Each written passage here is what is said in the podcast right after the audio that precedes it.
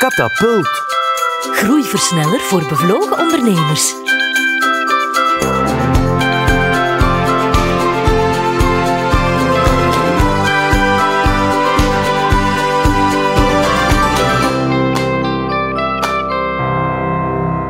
Welkom, beste ondernemer, bij een nieuwe aflevering van Katapult, de podcast waarin we elke week op stap gaan met een boeiende ondernemer.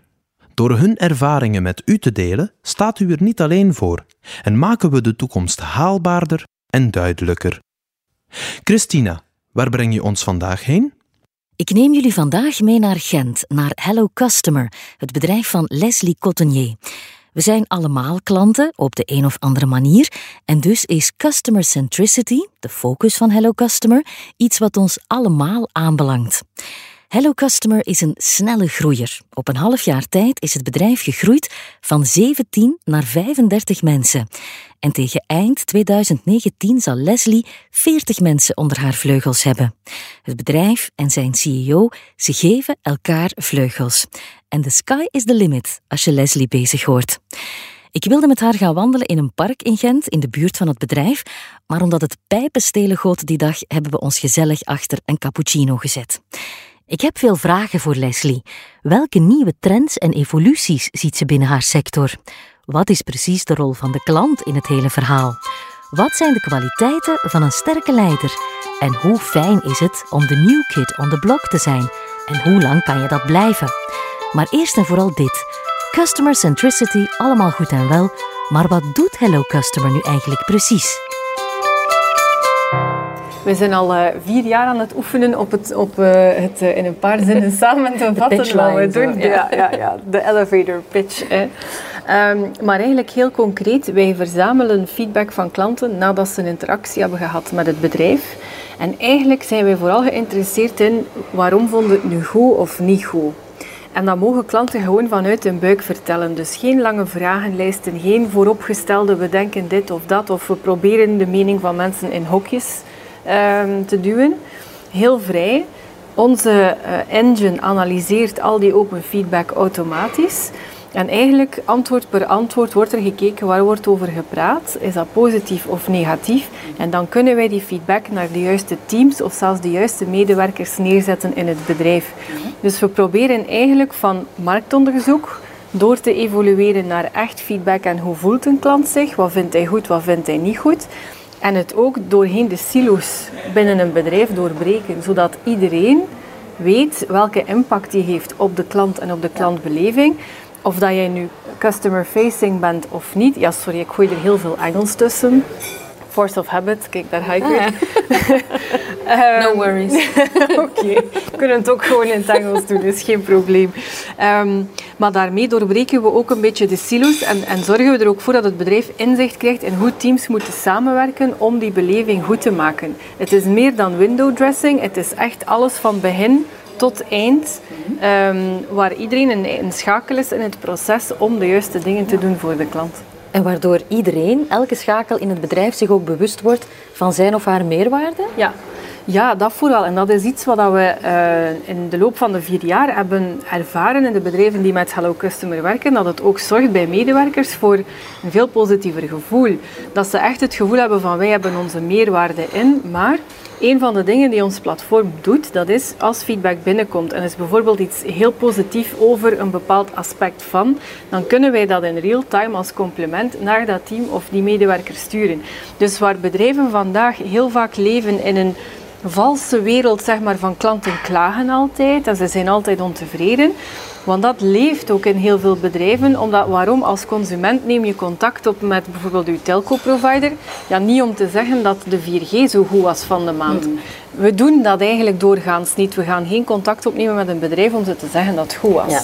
We doen dat wel als het slecht gaat of als er iets fout is gegaan. Dus een bedrijf komt eigenlijk bijna per definitie alleen in contact met klanten die een probleem hebben. Mm -hmm. Maar dat is niet representatief voor totaal klantenbestand. Maar is, op die manier wordt een realiteit gecreëerd. Als je daar dan nog eens KPI's bovenop gooit, dus um, metrics waaraan ze moeten voldoen, hè, en tevredenheidsscores zijn allemaal populairder naast revenue en, en andere performance indicators, ja, dan, dan, dan ga je daar eigenlijk nog op gaan doorduwen van, ja, we hebben hier een score, Maar mensen zijn ontevreden over de kwaliteit of ze zijn tevreden over... Maar mensen hebben altijd het gevoel, ik heb daar geen impact op, op die score. En, en dat allemaal zorgt ervoor dat er moeheid optreedt rond alles wat klantbeleving en klanten is en ons systeem. Dat is elke dag opnieuw, alle positieve feedback die binnenkomt, dat kunnen wij verspreiden doorheen de organisatie. En hebben mensen het gevoel van, oh wauw, wij doen goed voor klanten. Ik heb iets goed gedaan gisteren. Als je als shopmedewerker feedback binnenkrijgt van, ik, eh, ik had een kleedje nodig en die dame heeft mij fantastisch geholpen je krijgt niet enkel de zuurpieten. Ja. Je hoort niet enkel de En de zuurpieten is echt wel de minderheid. Dus mensen hebben veel meer het gevoel van we do good in this company en voor onze klanten. En we willen dat nog meer doen. Waardoor je op die sterke punten dan ook nog meer kan gaan inzetten. Absoluut, absoluut. Ja. Dus dat is wat we doen en ja, it makes me happy.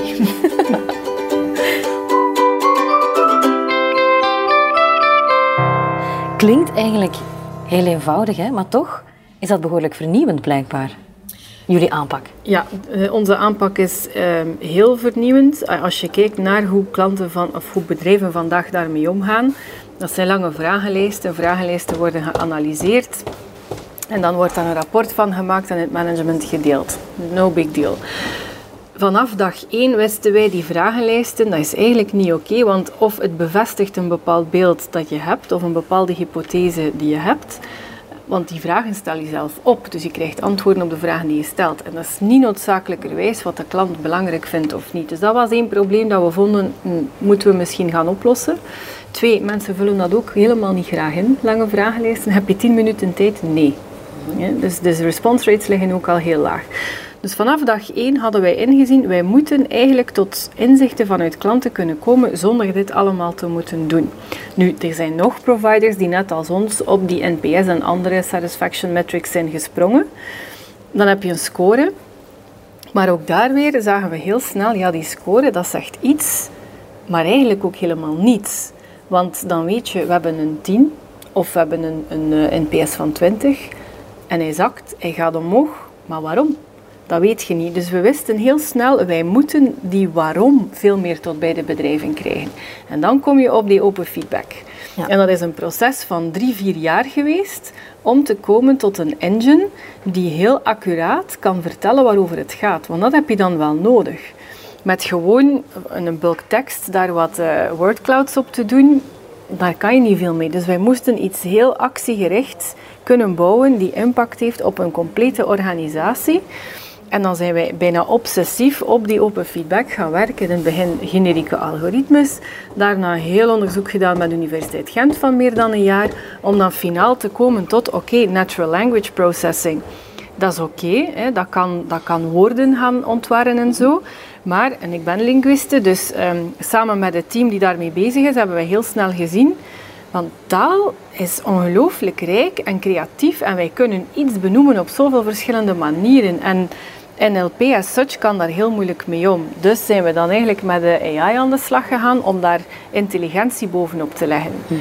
Eh, een, een, een, klein voorbeeldje daarvan, een bepaald woord kan in de ene context iets betekenen, in de andere context iets anders betekenen. Dus die contextuele kennis heeft die engine nodig. En op die manier zijn we die allemaal intelligenter aan het maken. Hij weet ben ik uh, in uh, postbedeling feedback aan het verzamelen, dan moet ik dat op een andere manier lezen dan als ik in de media uh, ben aan het, aan het analyseren.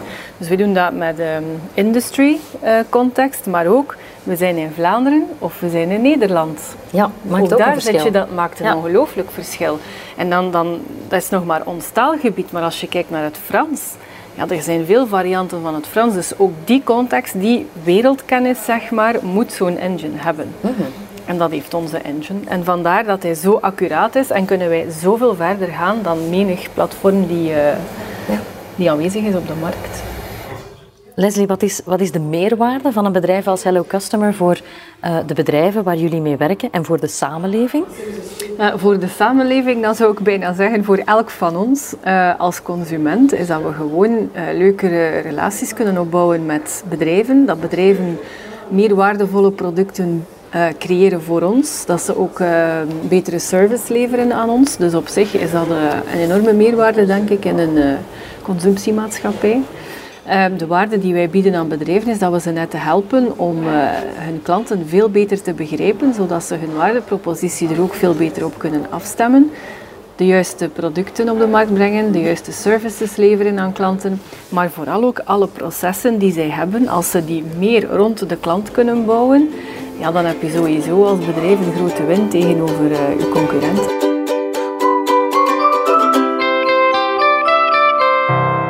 Helpen klanten jullie ook om te innoveren?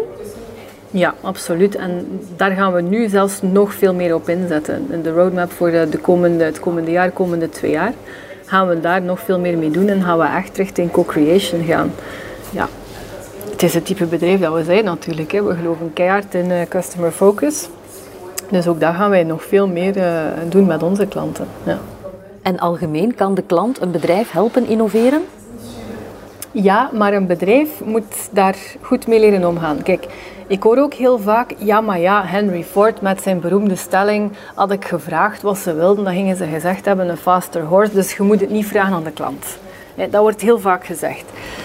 Maar dat is niet helemaal waar. Henry Ford moest die vraag stellen van wat kunnen we doen om dat paard voor u beter te maken. Dan zegt die klant, ja, ik zou eigenlijk wel een sneller paard willen hebben.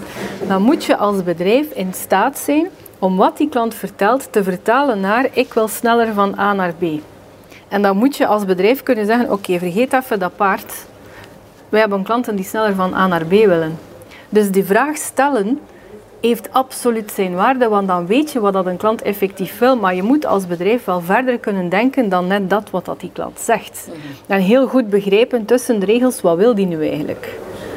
Dus de vraag, do you want, we want uh, of het antwoord, we want a faster horse, is vrij vertaald, we willen sneller van A naar B.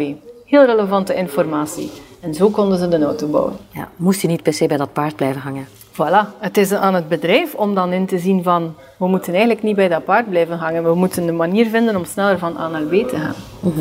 En dan komt het inderdaad weer neer op het correct interpreteren van wat mensen zeggen. Het correct interpreteren en, en als bedrijf gewoon veel verder gaan kijken dan puur het verhaal die die klant vertelt. En dat is de key. En dat is echt superbelangrijk. Um, je stond er blijkbaar wel niet voor te springen om CEO te worden. Oh, maar eh, jawel. Hello Customer. Ja, Toch wel? Ja, ik wou dat heel graag zijn. Ik ben altijd al een trekker geweest, ook in het vorige bedrijf.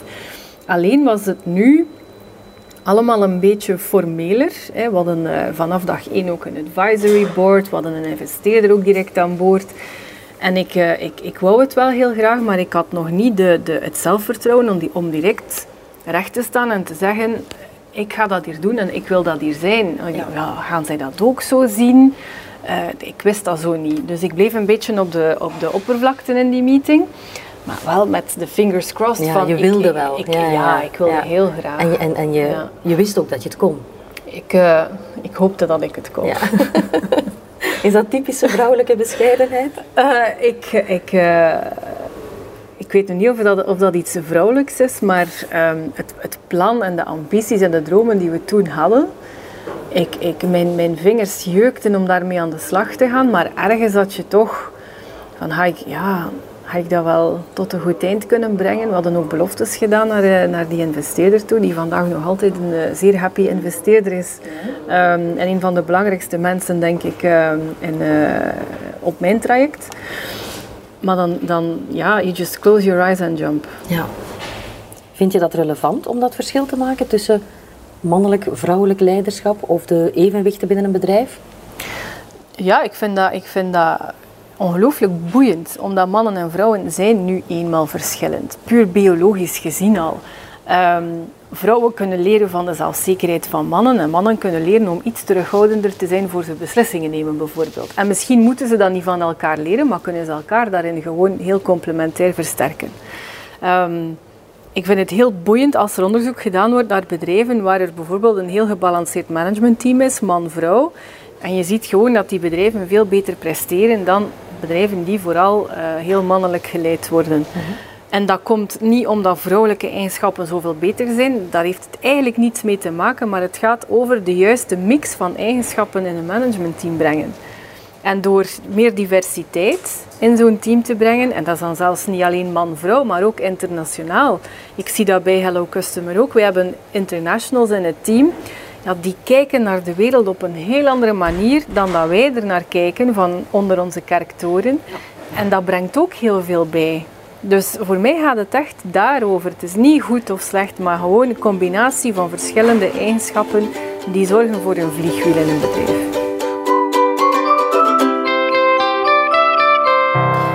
Een zanger is een groep. Dat heeft eh, Wannes van de Velde ooit eens gezegd. Hè? Ehm, geldt dat ook voor een bedrijf? Een leider is maar zo sterk als zijn team? Dat is absoluut zo. Ja, dat is absoluut zo. Alles wat, wat Hello Customer realiseert, wordt gerealiseerd door een team. Uh, en ik, ik uh, ben heel blij dat ik, dat ik uh, aan het hoofd mag staan van dat team. Maar ik, ja, mensen die bij ons werken hebben ook niet het gevoel van ah, dat is de, de CEO en we moeten daar naar luisteren. Nee, ik, ik neem mensen binnen in het bedrijf omdat ze bepaalde skills hebben, bepaalde competentie, een bepaalde ingesteldheid, waar ik ook graag veel van leer. Dus ja, ik vind dat altijd zoiets bizar. Ja, als mensen binnenkomen met een bepaalde skillset en een bepaalde meerwaarde, ja, dan moet je die mensen hun rol laten spelen. En dan zijn die beter daarin dan, dan ik. En ik ben er eigenlijk voor, vind ik, zo zie ik mijn rol, om heel die een trein die vol zit met mensen die echt fantastische dingen doen en ik laat die gewoon doen. En hoe ga ik die trein naar daar krijgen? Met iedereen erop. Ja. En dat zie ik als mijn rol. En heeft iedereen het warm genoeg? Is het niet te koud? Uh, ja. dat, dat ik er gewoon voor zorg dat die een trein zo comfortabel mogelijk is. Dat iedereen met veel plezier op die trein zit. Die als een TGV aan 300 per uur vooruit gaat. Hè. En zorgen dat ik gewoon niemand along the way verlies. Ja. Dat is mijn rol. Ja, op een TGV wel. Het moet wel snel vooruit gaan, dus blijkbaar. Um, ja, het moet snel vooruit gaan. Het gaat ook snel vooruit. Ja. En dat is ook een, dat is ook een uitdaging. Hè. Um, als ik kijk naar, naar, naar mezelf, ook voor mezelf is het enorm challenging, zeg maar. Als je kijkt van december, november, december tot nu, zijn wij quasi verdubbeld in uh, aantal mensen. En daar wordt heel veel over gesproken, over die, de scale-ups van, uh, van, uh, van deze wereld, dat die snel groeien en 100 man in een jaar. En, en, maar niemand staat stil bij de impact die dat heeft op mensen. En dat is niet alleen de mensen die in het team werken, die in die trein zitten, maar ook op mij. -hmm. Want alle, dus de structuren, de onderlinge verhoudingen, ja, die veranderen. We hebben sinds uh, dit jaar ook een managementteam. Ik heb een CFO aangeworven, een head of sales. Die doen nu opeens dingen die ik deed. En dan, dan ja, is het elke keer opnieuw je positie herdefiniëren, je rol herdefiniëren als CEO. Maar, maar iedereen moet dat doen in het ja. bedrijf voor zijn rol. Hele teams herdefiniëren wij om de zes maanden. Omdat we dan zien van, goh, zes maanden geleden, this made sense. Mm -hmm. Now it doesn't. Dat doen we samen met de mensen. Um, maar dat is enorm challenging. Dus de people aspect is voor mij het meest uitdagende in doen wat we vandaag aan het doen zijn. Ja. Um, hoe ziet de toekomst eruit van Hello Customer? Hebben jullie nog uh, dromen? Staan jullie voor uitdagingen? Allebei. uh, dromen, ja, dat is heel simpel. Hè. We willen echt een wereldbedrijf worden. Ik denk ook dat we het in ons hebben om dat te, om dat te worden. Als je kijkt binnen onze markt, de meeste van onze uh, grote concurrenten waartegen we spelen zijn echte legacy-spelers. Die bestaan al heel lang, die, die slepen ook heel veel historiek mee. Wij zijn de new kid on the block. dus vind dat een, een leuke, ik vind dat een heel leuke positie. We worden ook door die spelers onderschat. Ja. En ook als persoon, ik word heel graag onderschat. Ja. Want dan kan ik mij bewijzen. Ja. dus dat vind ik fantastisch. Um, en als, als we daar dan opeens zijn, dan ga ik de beste dag van mijn leven meemaken, denk ik. Dat ze dan zien van, oh, we didn't see you coming. Yes, you did, but you underestimated us.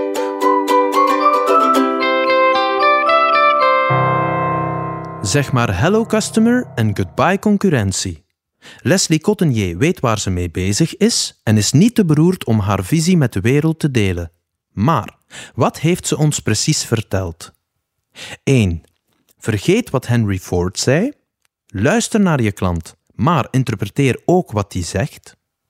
2. Dat je marktonderzoek doet is belangrijk, maar hoe je marktonderzoek doet is misschien nog wel belangrijker. Stel je wel de juiste vragen Ontvang je alle signalen en begrijp je wat die betekenen. 3. Customer experience is niet zomaar een holle idealistische term. Het is een manier om je klanten te veranderen in ambassadeurs van je bedrijf en op die manier bijvoorbeeld een hoop marketingkosten uit te sparen. Bent u na deze bruikbare tips nog niet voldaan? Blijf dan nog even bij ons, want zo dadelijk heeft Leslie Cottenier voor u nog de ultieme ondernemerstip in petto. Tot de volgende Katapult.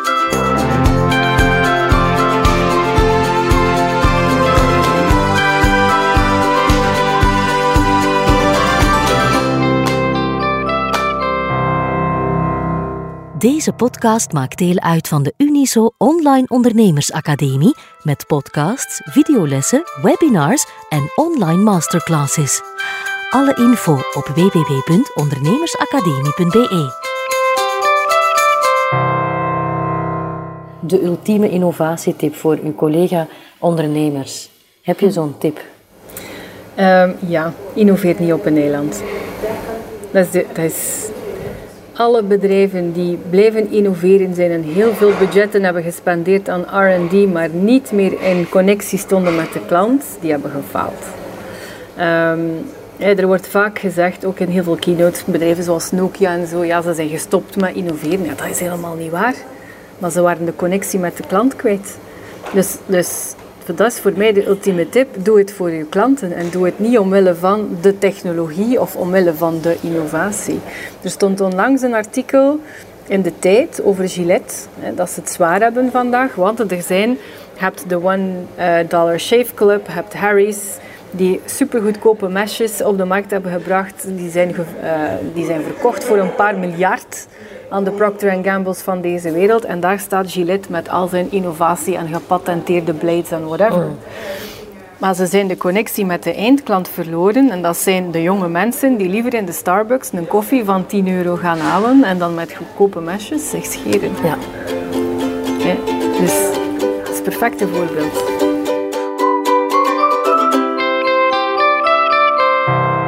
Deze podcast kwam tot stand met de steun van Sintra Vlaanderen en Liantis.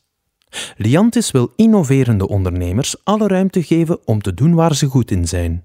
En daarom zette het met veel goesting en plezier de schouders onder deze podcastreeks.